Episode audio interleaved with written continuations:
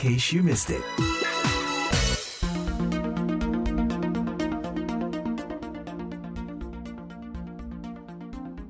Inilah VOA Indonesia dari Washington DC. Sebuah penelitian menunjukkan bahwa warga asing yang bergabung dengan militer Amerika justru membawa dampak positif yang menguntungkan militer Amerika dalam misi strategis mereka yang beraneka ragam di seluruh dunia. And in case you missed it, ada pula keuntungan balik yang bisa didapatkan oleh mereka yang bergabung dengan militer Amerika. Pembahasan berikut ini akan mengajak Anda mengenal lebih dekat keuntungan tersebut melalui kacamata diaspora Indonesia yang bergabung dalam militer Amerika. Menurut data dalam laporan yang dirilis oleh The Center for Naval Analysis, lebih dari 35.000 personil non-warga negara bertugas dalam militer Amerika secara aktif dan sekitar 8.000 bergabung setiap tahunnya. Peraturan dalam militer Amerika tidak mengharuskan mereka yang ingin bergabung berstatus warga negara, cukup sebagai penduduk resmi atau legal di Amerika. Hal tersebut antara lain karena kaum imigran atau non-warga Amerika dipandang membawa banyak keuntungan bagi militer Amerika, antara lain keanekaragaman etnis, budaya, dan bahasa yang dipandang sangat penting secara strategis bagi operasional militer di luar wilayah Amerika. Namun, dari sisi pendaftar, banyak pula keuntungan yang dapat diperoleh para anggota militer yang baru bergabung ataupun yang sudah lama berkarir di dalam militer. Aditya Utoyo bergabung dengan Angkatan Darat Amerika kurang lebih 10 tahun yang lalu. Saat sedang kuliah di daerah Washington DC, ia masuk dalam program inisiatif perekrutan militer guna mendukung kepentingan nasional Amerika yang disebut Military Accessions Vital to National Interests atau MAVNI dan kemampuan Adit berbahasa Indonesia sangat diperlukan Angkatan Darat Amerika. Kini, Adit yang berpangkat sersan ditugaskan di Markas Gabungan Pasukan Garda Nasional dan Angkatan Darat Amerika di negara bagian Hawaii sebagai Koordinator Manajemen Transportasi. Belum lama ini, Adit ditugaskan sebagai penerjemah dan ahli budaya bagi kontingen militer Amerika dalam sebuah konferensi dan latihan perencanaan strategi dengan TNI di Jakarta yang disebut Gema Bakti 2022. Ia tak menyangka bahwa keputusannya bergabung dengan Angkatan Darat Amerika hampir satu dekade yang lalu membawanya ke dalam peran yang vital dalam konferensi untuk perencanaan operasional gabungan dan membina hubungan militer antar kedua negara tersebut. Motivasi join militer sih lebih ke opportunity at the time. Kayak ada kesempatan bisa join terus buat sekolah juga. Karena kalau join militer sekolah bisa dibayarin. Terus kalau benefit buat pribadi dan keluarga pribadi lebih kadang uh, beberapa toko atau merchant yang hal simple kadang suka ngasih military discount itu udah udah jadi satu benefit menurut uh, saya. Namun, benefits atau keuntungan bergabung dengan militer Amerika tidak sebatas itu. Letnan Abraham Doni Agus yang sudah 10 tahun berkarir di militer Amerika dan kini ditempatkan di Okinawa, Jepang oleh Angkatan Laut Amerika, bercerita panjang lebar kepada VOA dari awal yang mulai bergabung dalam dunia militer. Pertama-tamanya sih dari nyari kerjaan sih. Ini tahun 2012 I was looking for kayak jobs uh, here and there. Udah tiga bulan uh, nyari-nyari kerja nggak dapet dapet. Terus ya akhirnya memutuskan untuk join military aja karena military always hiring gitu selalu selalu hire jadi ya udahlah uh, daripada nggak ngapa-ngapain ke ke Air Force aja gitu. Dulu aku di Air Force ya jadi sebelum kita masuk milih angkatan apa gitu kan kita ngambil tes ya. Ya bukan masalah kepintaran. Maksudnya tes dari hasil tesnya itu diukur seberapa bagus nilai skor tesnya gitu loh. Jadi paling bagus tesnya uh, itu bisa milih uh, Air Force ya. Karena angkatan udara itu paling susah masuknya karena uh, tes skornya itu harus yang paling tinggi gitu loh waktu itu uh, lumayan aku uh, lumayan tinggi uh, 98% dari 100 uh, jadi dapat bisa bisa ngambil Air Force waktu itu. Terus aku tahu Air Force itu yang paling uh, bukan kayak di military gitu loh. Kalau kayak misalnya di Marines apa di Army kan itu orang yang biasanya oh US military itu kayak stereotype-nya gitu. US military itu kayak army and navy gitu loh. Tapi aku nggak mau kayak stereotype gitu. Jadi the Air Force itu lebih kayak uh, just regular regular day to day job like uh, steady job like civilian job. It's not so much military. Doni kemudian menceritakan tentang berbagai keuntungan yang dapat ia peroleh selama berkarir dalam dunia militer. Benefitnya sih banyak banget ya. Benefitnya itu actually kenapa ba banyak orang yang masuk militer itu oh, predominantly because of the benefit. Karena maybe you can look it up online what's the what the military pays. So berapa gaji-gaji uh, Amerika ya itu benar-benar nggak banyak. Kenapa orang stay di militer itu biasanya karena benefitnya kan.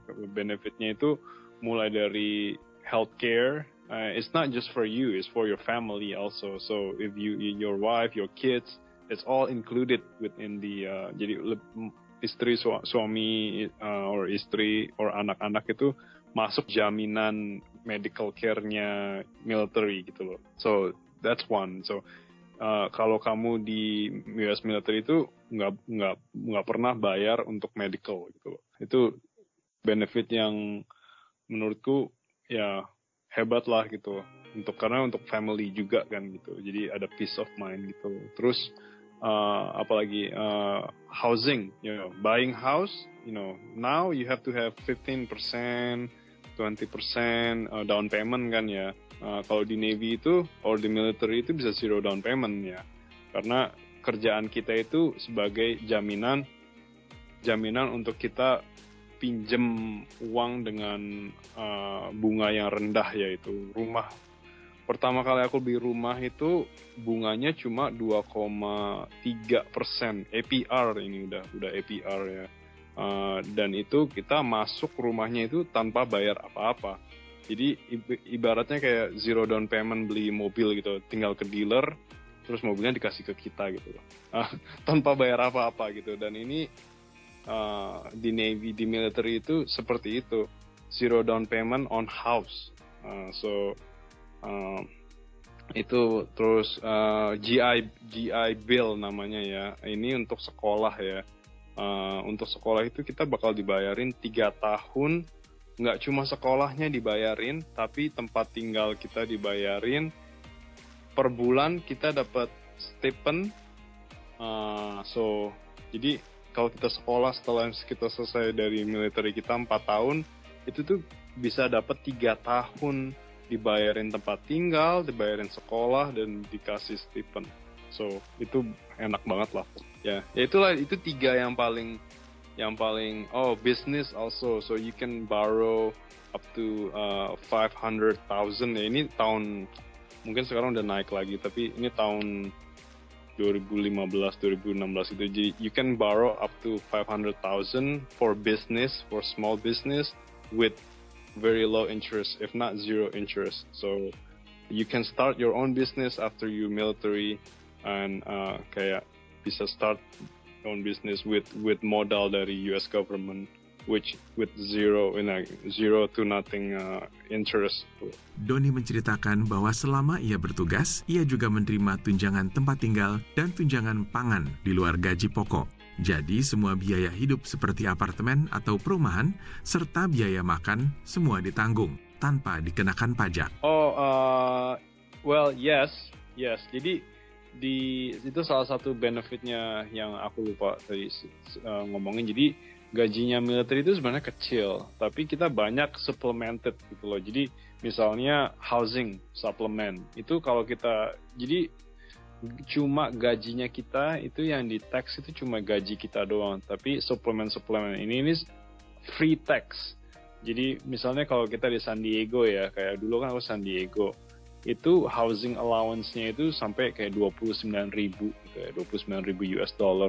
Itu untax. Uh, terus kita ada suplemen untuk makanan. Suplemen makanan itu sekitar 300 dolar per per uh, per bulan ya. Itu untax also. Jadi ya, jadi ya ya main hitungannya ya hitungannya kalau aku sih ngitungnya ya itu udah termasuk gajinya gitu loh jadi ya it's untaxed because it's not a it's not a a salary.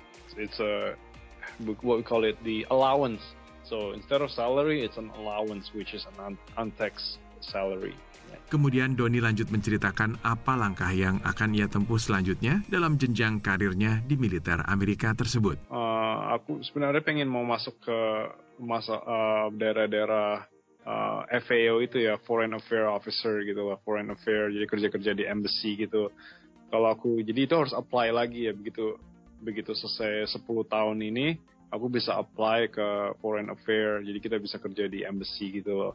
Aku pikiran aku sih kalau misalnya aku bisa keterima uh, kerja-kerja di embassy gitu ya aku bakal stay sampai 20 tahun. Jadi kalau oh talking about benefit again ya so kalau misalnya kita udah 20 tahun itu sampai kita mati bakal dibayar gaji half of our jadi half of our last paycheck until we die that's when you retire when you do 20 years. Jadi begitu kita do begitu kita selesai 20 tahun itu kita bakal dapat paycheck continuously gitu loh. Walaupun kita kerja tempat lain. Jadi orang orang misalnya kalau join kan US military banyak join 18 tahun 18 tahun gitu. Jadi by 38 itu mereka udah punya paycheck tuh, udah punya steady paycheck Seperti yang telah diceritakan oleh Doni, sebelum Doni berkarir dalam Angkatan Laut Amerika, ia sempat bergabung dengan Angkatan Udara selama empat tahun. Kepada VOA, ia menambahkan bahwa bagi yang baru mulai kuliah, apabila bergabung dengan militer, kuliah dan tempat tinggal mereka akan ditanggung selama tiga tahun, ditambah dengan uang saku selama mereka menyelesaikan kuliah. Bagi mereka yang hendak membuka usaha kecil selepas kontrak kerja mereka dengan militer, tersedia pula pinjaman uang sampai dengan 500 ribu dolar dengan bunga yang sangat rendah bagi mereka untuk memulai tersebut. Keuntungan yang diperoleh seputar pendidikan juga dirasakan oleh Mulian Makmur, warga Indonesia yang telah bergabung dengan Angkatan Darat Amerika selama empat tahun dan memegang pangkat specialist atau setingkat kopral. Pada waktu itu saya mau menempuh S2 namun tidak memiliki biaya yang cukup. Apalagi di Amerika biaya hidupnya cukup tinggi. Ya. Jadi ya nggak, nggak, nggak mungkin saya pada saat itu untuk menempuh S2. Jadi ya opsinya adalah uh, masuk uh, US Army. Karena salah satu benefit yang menguntungkan dalam uh, US Army adalah biaya pendidikan pendidikan yang didanai oleh negara. Mulyan juga menyebut tunjangan rumah bagi yang sudah berkeluarga, tunjangan pangan, dan asuransi kesehatan yang menjamin keluarganya sebagai keuntungan yang ia rasakan. Kepada VOA, pria yang juga berencana melanjutkan karirnya dalam militer Amerika dan bergabung dengan Tentara Garda Nasional Amerika ini, menceritakan berbagai hal menarik yang berkenan di hatinya saat bertugas di Angkatan Darat Amerika. Ia sangat terkesan saat pendidikan dasar, di mana ia mendapat kesempatan mencoba berbagai kaliber senjata dan menikmati kestia kawanan dari rekan-rekan sesama anggota militer yang berasal dari berbagai latar belakang. Kawan-kawan saya yang begitu loyal dan respect ya, karena pada pada waktu itu, pada saat saya melaksanakan puasa di bulan Ramadan, teman-teman saya berusaha untuk tidak makan atau minum di depan saya. Mungkin bahkan kalau mereka mau makan atau minum, mereka minta izin dulu kepada saya gitu. Selain memperoleh berbagai tunjangan dan pengalaman, mereka mereka yang bergabung dengan militer juga dapat memperluas jaringan pertemanan dan relasi yang tentunya akan berguna di kemudian hari. Ketika berhenti bekerja atau pensiun dari militer, ada satu lagi keuntungan yang akan mereka rasakan, yaitu kemudahan serta prioritas sebagai veteran militer saat hendak mencari pekerjaan berikutnya. Dari Washington DC, Aryono Arifin melaporkan untuk VOA Indonesia.